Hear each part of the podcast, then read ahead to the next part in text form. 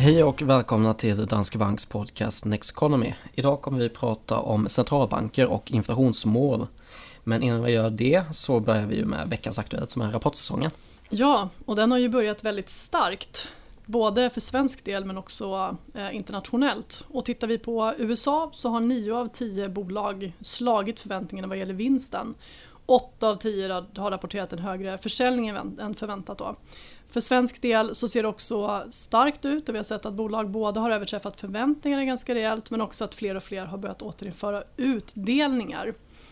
Och man kan väl säga att i samband med en vändning efter en kris så är det ju normalt att estimaten ligger för lågt. Och den här krisen har gått så otroligt fort. Det är nästan som att man spelat en eh, snabbspolning. Först en tvärnit och så drog bolagen åt alla tumskruvar på en gång. Sen hade vi en extremt kraftig återhämtning upp från botten när ekonomin öppnades upp. Och det här gör ju att vinsterna ökar väldigt snabbt nu och estimaten hinner inte med. Jag Men tänker i... på det här med alltså när man har slagit estimaten nu då. Kommer de här omvända vinstvarningarna, kommer de med i det? Ja men de omvända vinstvarningarna eh, så det är att bolagen går ut och flaggar för att estimaten ligger för lågt inför rapporten. Eh, sen så ändras inte estimaten så mycket precis innan rapportsäsongen startar utan de, de ligger ungefär som de gör. Men däremot så ändras ju marknadens förväntningar, alltså de implicita förväntningarna hos mm. Eh, investerarna. Ja. Så det gör ju att det kanske inte räcker att man når upp till estimaten eller slår mm. dem lite grann utan marknaden väntar sig att det kommer vara betydligt bättre än så. Ja. Men jag tänker att de här omvända vinstvarningarna, när man kollar på hur många bolag som har slagit vinstförväntningarna mm. så räknar man ändå med dem, även fast de gick ut med det före tänker jag. Ja, men det måste man ja. ju ändå göra. Absolut, Precis. det får man räkna med.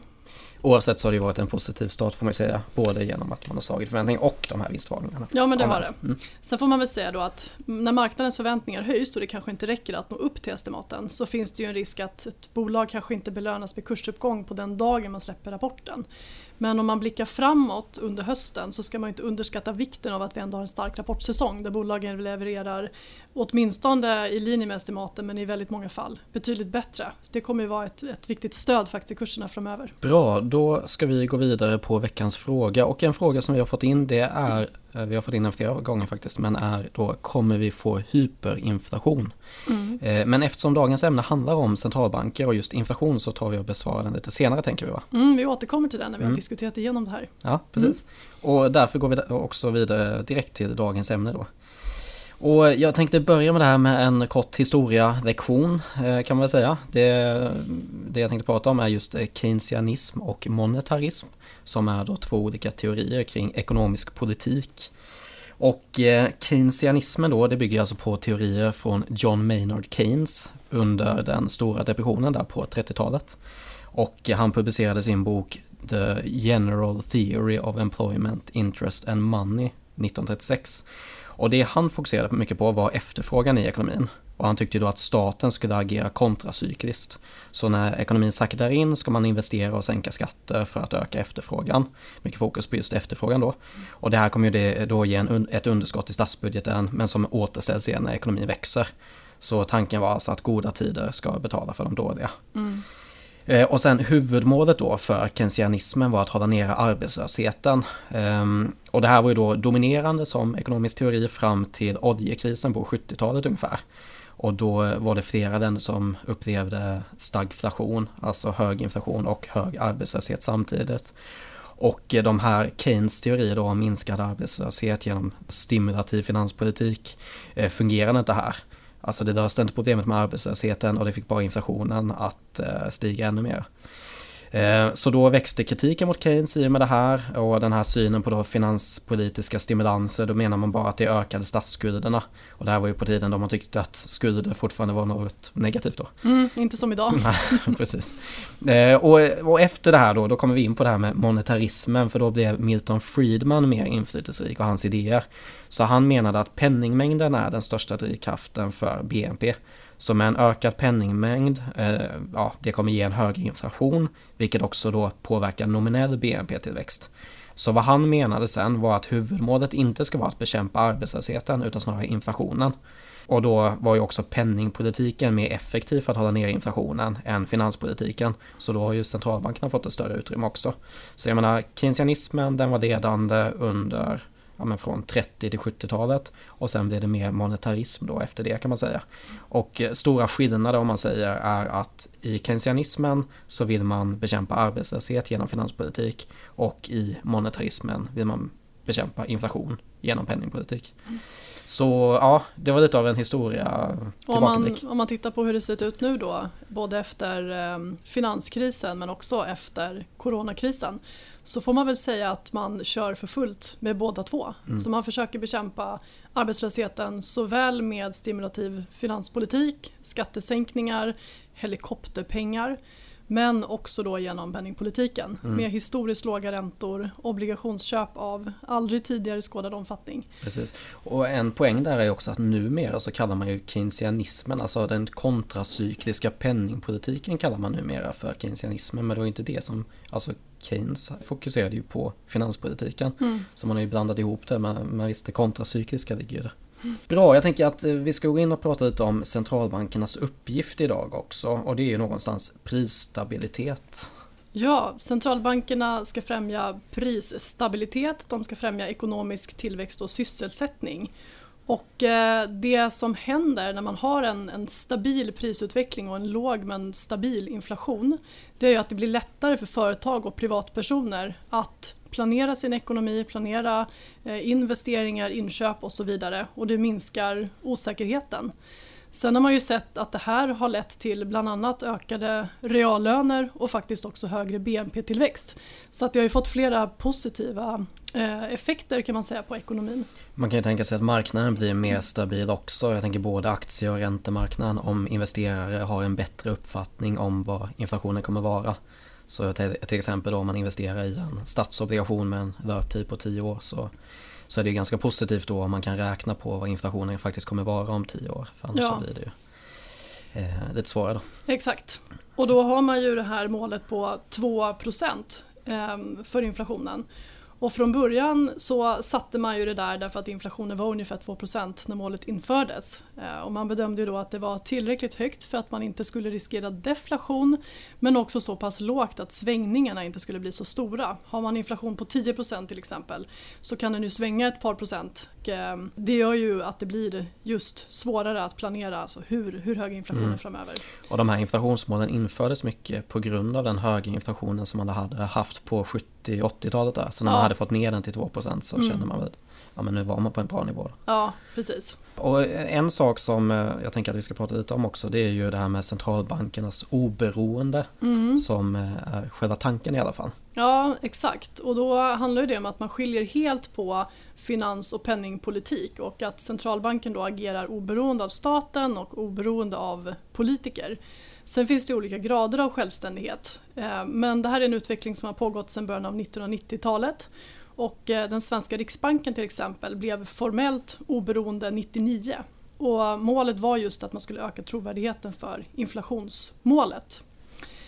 Ehm, det finns ju flera nivåer av det här eh, oberoendet. Dels att politiker inte får ge Riksbanken till exempel då instruktioner man ser att ledamöterna i centralbanken får inte andra personliga uppdrag som konkurrerar med det här och de har också ett stort skydd mot att bli avsatta så att de ska inte kunna eh, påverkas eller hotas till att agera på ett visst sätt. Men det, eh, det här med att hota det har vi ju sett prov på kan man ändå säga under Trumps eh, när han har suttit som president här nu då. Ja precis för han har ju faktiskt gått ut och sagt åt Fed att de borde sänka räntan till noll.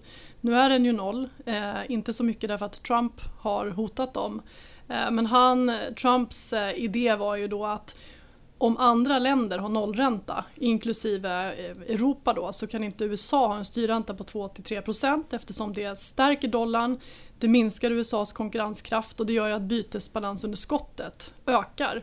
Därför att om dollarn är stark så är det fördelaktigt för amerikaner att köpa ännu mer europeiska och kinesiska varor. Medan det blir dyrt för oss andra att importera från USA. Ehm, sen så har ju Fed som tur är ett så starkt oberoende att marknaden inte trott att Trump kan förmå dem att göra några eh, ränteförändringar utan att man faktiskt agerar baserat på hur det ser ut på arbetsmarknaden och hur det ser ut med inflation och inflationsförväntningar. Men i ett land med svagare system och svagare förtroende för centralbanken så kan det här ställa till jättestora problem. Och det har vi ju sett eh, i tillväxtekonomier som eh, Turkiet till exempel och flera latinamerikanska ekonomier där man har fått hyperinflation just när centralbankens förtroende har undergrävts. Mm. Och om vi går vidare, eller när vi håller oss i, eh, ändå är i USA, så kan vi prata om den här förändringen som vi fick i penningpolitiken av Fed. Där man då har gått till ett eh, inflationsmål som ska vara flexibelt istället. Man vill alltså ha en inflation på 2% som genomsnitt över tid. Och eh, så man gjorde ju den förändringen, eh, alltså tanken är ju att i och med att man har haft så låg inflation under så lång tid så vill man kunna få upp inflationen och till och med låta den gå förbi de här 2 procenten under en tid. För att kompensera för den här låga inflationen som vi har haft då. Mm. Eh, så då gjorde man ju den förändringen. Eh, och det var väl två saker som man förändrade. Det var ju framförallt då det här genomsnittliga inflationen och sen också att man inte fokuserar på arbetslösheten på samma sätt som mm. tidigare heller. Precis, förut så har man ju försökt få ner arbetslösheten till eh, den naturliga nivån, det vill säga där det väntas bli inflationsdrivande, i alla fall enligt gammal ekonomisk teori. Precis. Men sen har man ju sett att i USA då så kröp ju faktiskt arbetslösheten ner under den nivån och var historiskt låg, eller i alla fall den lägsta på ungefär 60 år i USA utan att det gjorde att varken lönerna sköt iväg eller att inflationen eh, började sticka uppåt. Precis, och där kan vi ju nämna den klassiska Philipskurvan lite kort. Mm. För där, det handlar ju om att när arbetslösheten stiger kommer inflationen sjunka och därför måste centralbanken sänka räntorna vid det tillfället och tvärtom då. Men så har det ju inte sett ut. Alltså en sjunkande arbetslöshet de, här, den sena, de senaste åren mm. har ju inte gett en stigande inflation. Nej, eh, Philipskurvan har varit platt. Ja men exakt, just det. Um, och så då har man ju frångått det här lite då att ha det som en parameter just med Alltså visst man, man kommer ju fortfarande, alltså skulle man se att inflationen börjar stiga kraftigt i takt med att arbetslösheten minskar Ja men då kommer man ta hänsyn till det mm. Men man ser det inte som en självklarhet det här sambandet längre. Nej precis. Och vad det här gör då det är ju att det tar bort risken för att Fed ska börja gå in och göra några förebyggande räntehöjningar så som man har gjort tidigare. För när man började den här räntehöjningscykeln som man hade från 2015-2016 och framåt då handlade ju det om att inflationen närmade sig målet och att man såg att arbetslösheten fortsatte minska och började komma ner till den här naturliga nivån och så småningom under den. Och då väntar man sig att det ska driva inflation. Men det har det alltså inte gjort. Och eh, framöver då så kommer man ju kunna se att arbetslösheten fortsätter komma ner. Inflationen kan gå iväg åtminstone en bit över 2% utan att Fed kommer göra någonting. Så att det här har ju ytterligare minskat risken för att vi får några räntehöjningar under en överskådlig framtid. Och Precis. varken Fed eller någon annan centralbank har ju någon plan på räntehöjningar de kommande tre åren. Mm. Och en annan sak som man ju också kan fortsätta med här då på grund av det, det är ju det här med QE-programmen. Ja. Alltså att också fortsätta de här stödköpen då. Och eh, för det har ju för saken är ju den att eh, som man historiskt har pratat om eh, centralbankens uppgift så är det ju egentligen att när inflationen stiger då vill man sänka inflationen tillbaka till inflationsmålet och eh, hur man då gör det om man kollar på en gammal teoribok det är ju genom att använda sig av styrräntan. Mm. Så om inflationen stiger, ja men då höjer man räntan för att få ner inflationen. Men nu har man ju börjat med ett annat medel som inte ens finns i alla de här historiska böckerna. Nej precis, man har varit konstruktiv. Precis, ja. Och då, då har man ju gått in och inte bara påverkat den korta räntan utan nu påverkar man långräntan också. Mm. Vilket då får, eh, kan ju få ganska stora effekter på en portfölj till exempel. Ja, exakt. Ehm, och just eh, långräntorna historiskt har ju kunnat röra sig mer men nu har ju de hållits ner av centralbankernas eh, obligationsköp då och väntas göra det under lång tid framöver. Och det här innebär ju dels att vi har så låga korträntor eh, och väntas ha det under lång tid framöver. Att avkastningen på obligationer och både korta och långa obligationer här och nu är väldigt låg. Och dessutom så väntas den ju förbli låg under lång tid framöver. Och det är inte omöjligt att om man tittar på en, en korg av statsobligationer att under hela det här decenniet så kommer avkastningen ligga någonstans nära noll. Det är dessutom så att om vi så småningom skulle få stigande långräntor till följd av att ekonomin eh, hämtar sig och att centralbankerna börjar planera för räntehöjningar. Säg att det dröjer tre eller fem eller sju år då, men någon gång eh, så får vi ändå hoppas att man kan höja räntan igen. Eh, då kommer det innebära stigande räntor, det vill säga sjunkande obligationspriser vilket kommer vara ytterligare negativt för avkastning på eh, obligationskorgen.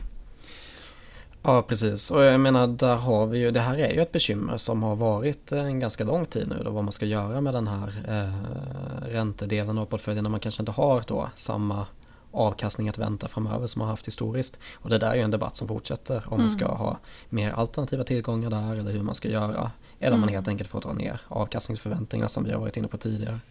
Precis, och eh, om man tittar på stora pensionsfonder till exempel så har ju allt fler börjat titta på att göra investeringar till exempel i infrastruktur, i private equity, det vill säga onoterade bolag eh, där man kanske kan hitta andra multiplar och annan tillväxt än vad man hittar på börsen många gånger.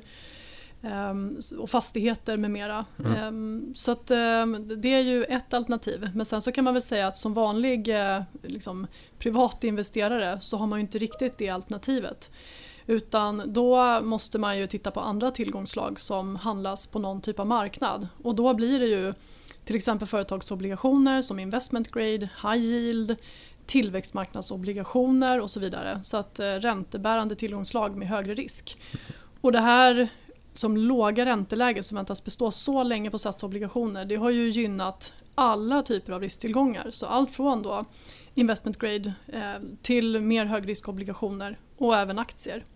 Så att man kan väl säga att Feds nya penningpolitiska mål är positivt för alla typer av risktillgångar. Det mm. ger stöd åt alla typer av risktillgångar under en överskådlig framtid. Och något man kan säga om de här mer högavkastande obligationerna är ju att även om de som har högre risk också har en större korrelation med aktiemarknaden så man kanske inte får den där stötdämpningen. Eh, men det är också så att de här tenderar att utvecklas i olika delar av en konjunkturcykel också. Så det är inte säkert att de utvecklas exakt som aktiemarknaden. Vilket ändå minskar då eh, volatiliteten och rörelserna över tid. Vilket ändå ger en bättre portfölj över tid. Ja, det är fortfarande en bättre portfölj. Ja, men exakt. Sen så får man väl tänka, ehm, för det såg vi ju nu under den här coronakrisen när det blev en sån extremt kraftig inbromsning i våras. Så man såg hur likviditeten försvann ur de här tillgångslagen. Och det där är ju en risk som man kanske inte tänker på under tio goda år. Men den kommer ju finnas där framöver också. Att det här, det här är tillgångslag som är mindre likvida. Och i en kris så finns det en risk att ingen vill ställa priser på de här och att om man måste sälja mitt i brinnande coronakris, finanskris eller vad det nu är för kris vi kommer möta nästa gång. Ja, då finns det en risk att man kan göra en betydande förlust till exempel på high yield men också eh, på en, en liksom investment grade fond. Så att de där kräver ju att man har en längre tidshorisont än en statsobligation. Eh, och det är viktigt att ha med sig och jag tror att många fick liksom en bryskt uppvaknande nu. Eh, men just att inte sätta sig i en situation där man kan behöva sälja någonting inom kort det, behöver man sälja någonting inom kort då ska det inte vara i någon typ av risktillgång egentligen. Det ska Precis. varken vara investment grade eller, eller på börsen. Exakt. Och det kan ju finnas ett värde fortfarande i att ha det i säkrare tillgångar som är lågavkastande. Men bara för att du har den här möjligheten då att sälja det när börsen går svag så att du faktiskt kan rebalansera portföljen och köpa mera. Ja. För du vill ju inte sitta med de här högavkastande tillgångarna som du inte kan sälja i det läget när du som mest vill rebalansera och dra nytta av att köpa lite billigare också. Precis. Ehm, en annan sak som jag tänkte på, vi var inne på det här med QE förut, eh, QE-programmen och så. Och en tanke bakom det där, det är något som kallas förmögenhetseffekten. Alltså om man kan eh, köpa de här eh, statsobligationerna långa statsobligationer, till exempel tioåriga statsobligationer och trycka ner avkastningen på dem. Då är tanken att det alternativet eh, inte är lika attraktivt längre och då kommer mer pengar söka sig till andra tillgångar som till exempel fastigheter och aktier. Och när den typen av tillgångar ökar i värde då sprids en typ av förmögenhetseffekt. Människor känner sig mer förmögna och eh, känner att de kan konsumera mera. Vilket gör att man får in pengar i ekonomin och kan öka inflationen på det sättet. Men det där har ju inte riktigt funkat nu då. Ehm, och det jag ville komma in på med tanke på det här det är eh, alltså det här med tillgångsinflation som vi har sett. Mm. Ehm, för jag har kollat lite på själva begreppet inflation.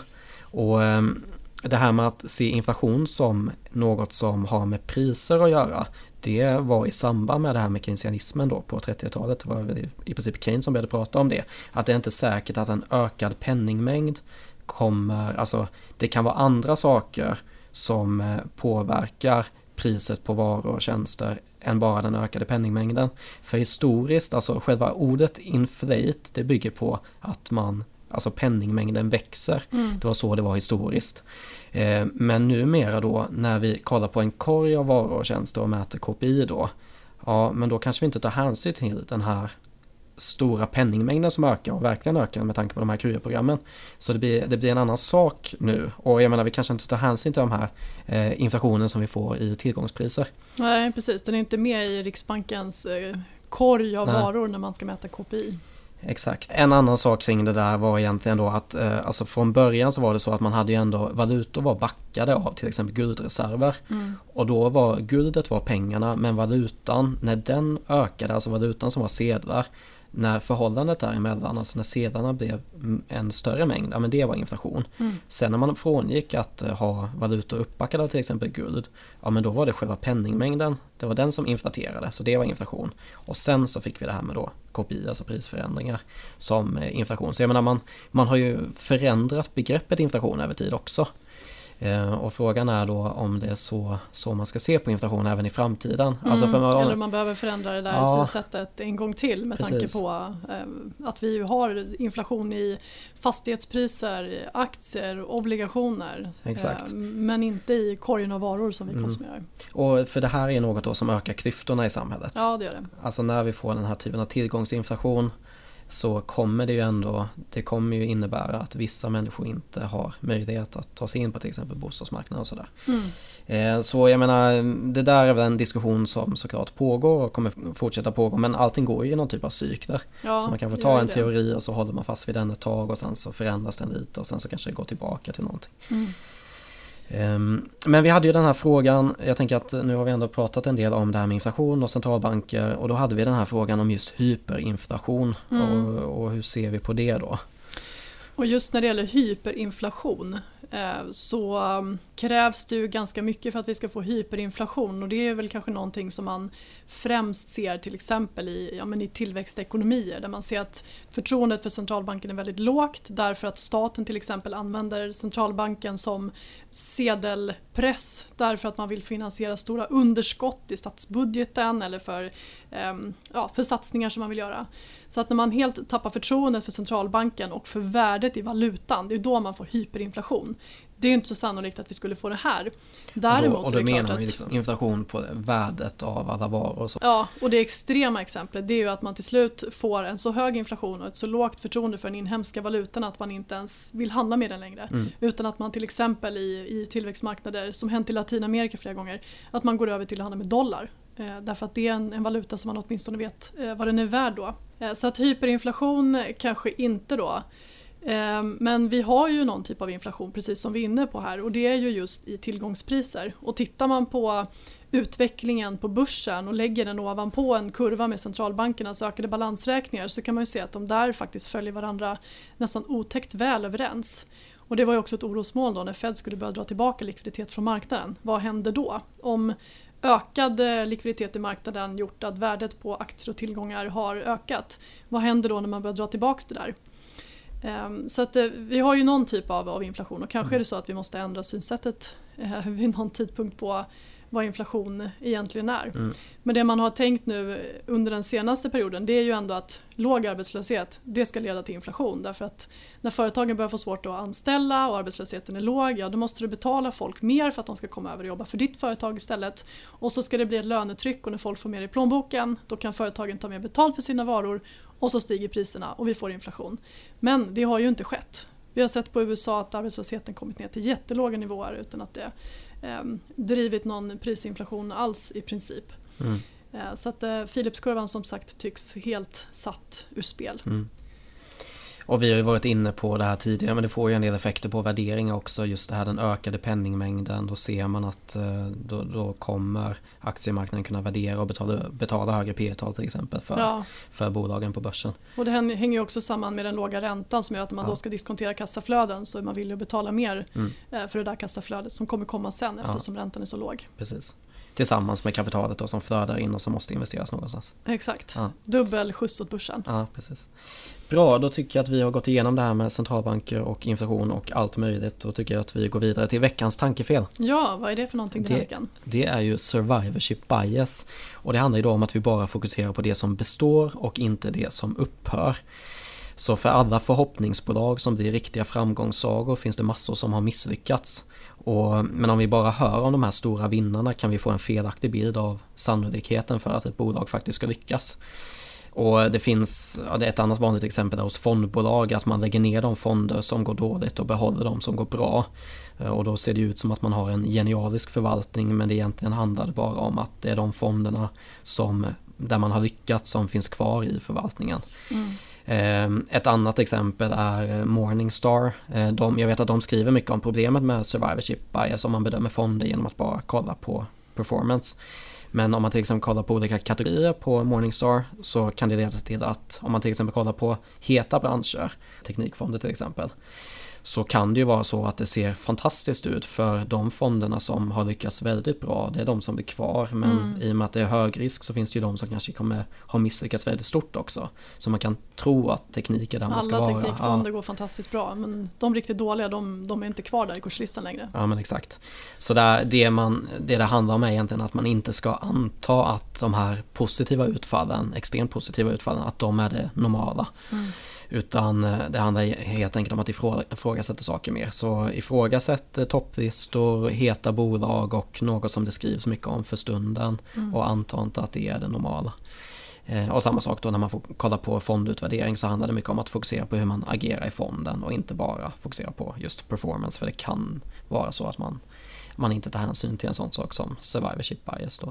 Mm, och det måste ju gälla också om man till exempel tittar på smålistorna med massa mm, aktier. Att där avnoteras det bolag och det finns bolag som går i konkurs och de försvinner ur kurslistorna. Sen så kanske man bara läser om de kursraketerna som man kan hitta där. Så man tror att det är större chans att lyckas med en investering i småbolag mm. Eh, och att det finns en enorm potential där. Vilket det gör i vissa bolag. Men man kanske överskattar hur stor chansen är att man ska lyckas eh, få en väldigt fin avkastning eller pricka någon av de där eh, kursvinnarna när man inte tar hänsyn till hur många det faktiskt också går dåligt för. Mm. Och just det här med att bolag faller bort också, det är en viktig sak att ta hänsyn till vid backtesting. Alltså om du backtestar en strategi så måste du ta hänsyn till de där bolagen som föll bort under backtestingperioden. Mm. För annars så kommer ju den här strategin se ut att vara hur bra som helst. Eh, och jag vet att i studier förr så var man sämre på att ta hänsyn till det men i, i studier idag då så, så vet man att survivorship bias är ett fenomen som man måste ta hänsyn till ja. i den typen av historisk eh, data. Mm.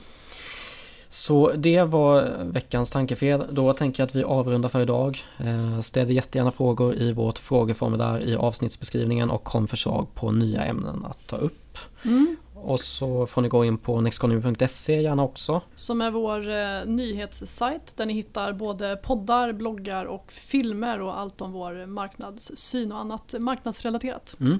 Och sen har vi ju en betygssättning i Podcaster-appen också.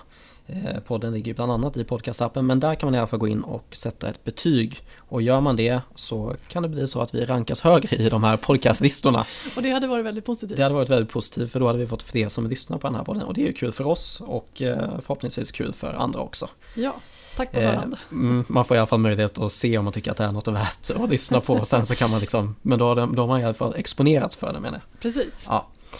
Bra, nästa avsnitt kommer om två veckor. Vi tackar för att ni har lyssnat och så hörs vi igen då. Det gör vi. Tack för den här gången. Tack själv.